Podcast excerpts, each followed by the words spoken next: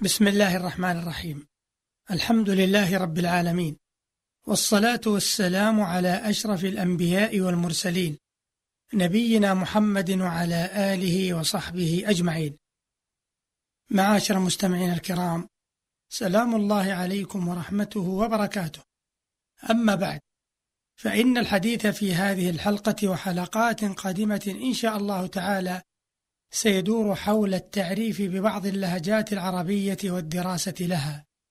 معاشر المستمعين الكرام، لقد كان لسيادة اللغة القرشية لغة القرآن الكريم أثر كبير في نظرة علماء العربية إلى غيرها من اللهجات، حيث أضرب بعضهم عن نقل غير الفصيح، لأنهم يفضلون لغة قريش على غيرها.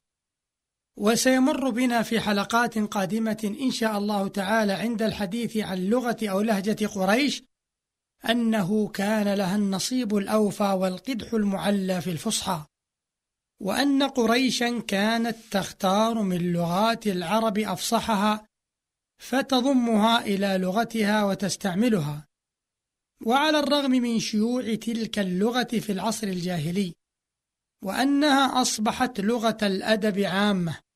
وأن القبائل العربية قد اصطلحت فيما بينها على هذه اللغة الفصحى وأن الشعراء كانوا على اختلاف قبائلهم وتباعدها وتقاربها ينظمون شعرهم في تلك اللغة وأن الواحد منهم إذا أراد نظم الشعر تجافى عن لهجة قبيلته المحلية إلى تلك اللهجة الأدبية العامة.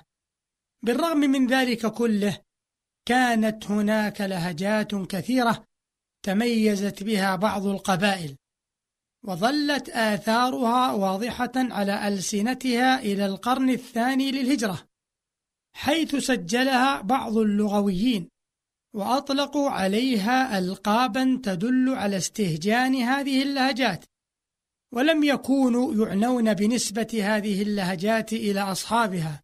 فقد كانت تهمهم الصحة اللغوية وكأنهم يريدون التنبيه على ما يخالف اللغة الأدبية العامة التي نزل بها القرآن.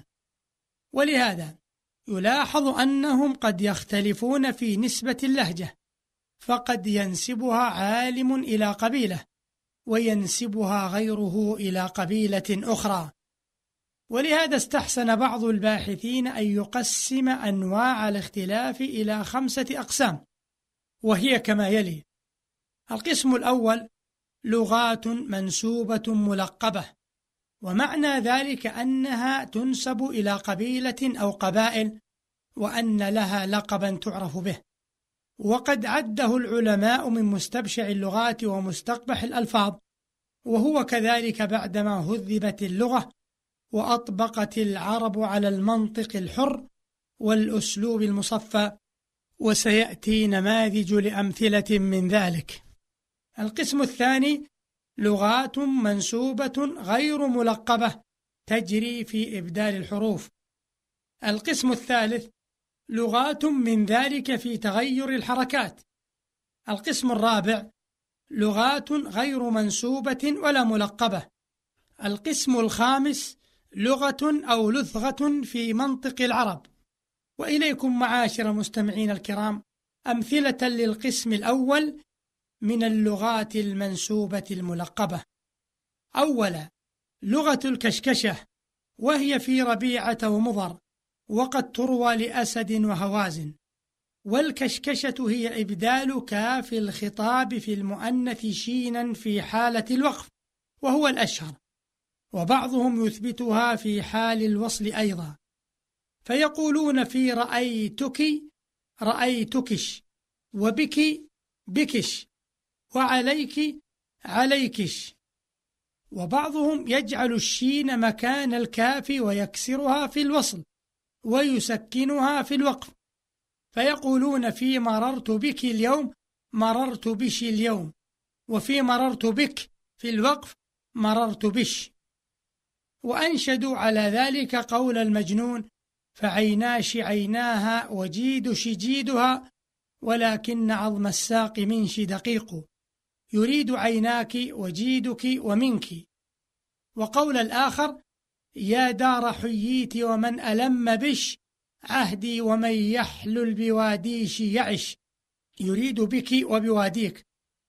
وقال ابن جني قرأت على أبي بكر محمد بن الحسين عن أبي العباس أحمد بن يحيى ثعلب لبعضهم علي فيما أبتغي أبغيشي بيضاء ترضيني ولا ترضيشي وتطبي ود بني أبيشي إذا دنوت جعلت تنئيشي وإن أيت جعلت تدنيشي وإن تكلمت حثت في فيشي حتى تنقي كنقيق الديشي.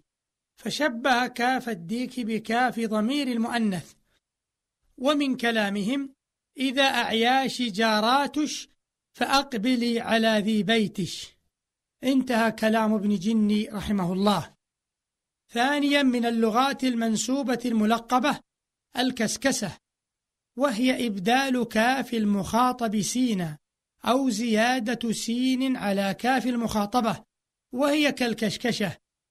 إلا أن السين تحل محل الشين في هذه اللهجة. وبعض العلماء ينسبها إلى ربيعة ومضر وبكر وهوازن ونقل الحريري أنها لبكر لا لربيعة ومضر. وهي فيما نقله زيادة سين بعد كاف المخاطب. وروى صاحب القاموس أنها لتميم لا لبكر. وفسرها كما فسرها الحريري. ثالثا من اللغات المنسوبة الملقبة الشنشنة وهي قلب الكاف شينا فيقولون في لبيك اللهم لبيك لبيش اللهم لبيش. ويقولون في كيف شيف أو تشيف. وتنسب هذه اللهجة إلى قبائل من اليمن وتغلبها قضاعة. ويلحظ أن الشنشنة والكشكشة لهما بقايا في عديد من اللهجات العربية في الخليج العربي والشام. معاشر المستمعين الكرام إلى هنا ينتهي وقت هذه الحلقة التي دارت حول بعض اللهجات العربية وللحديث صلة في الحلقة القادمة إن شاء الله تعالى. والسلام عليكم ورحمة الله وبركاته.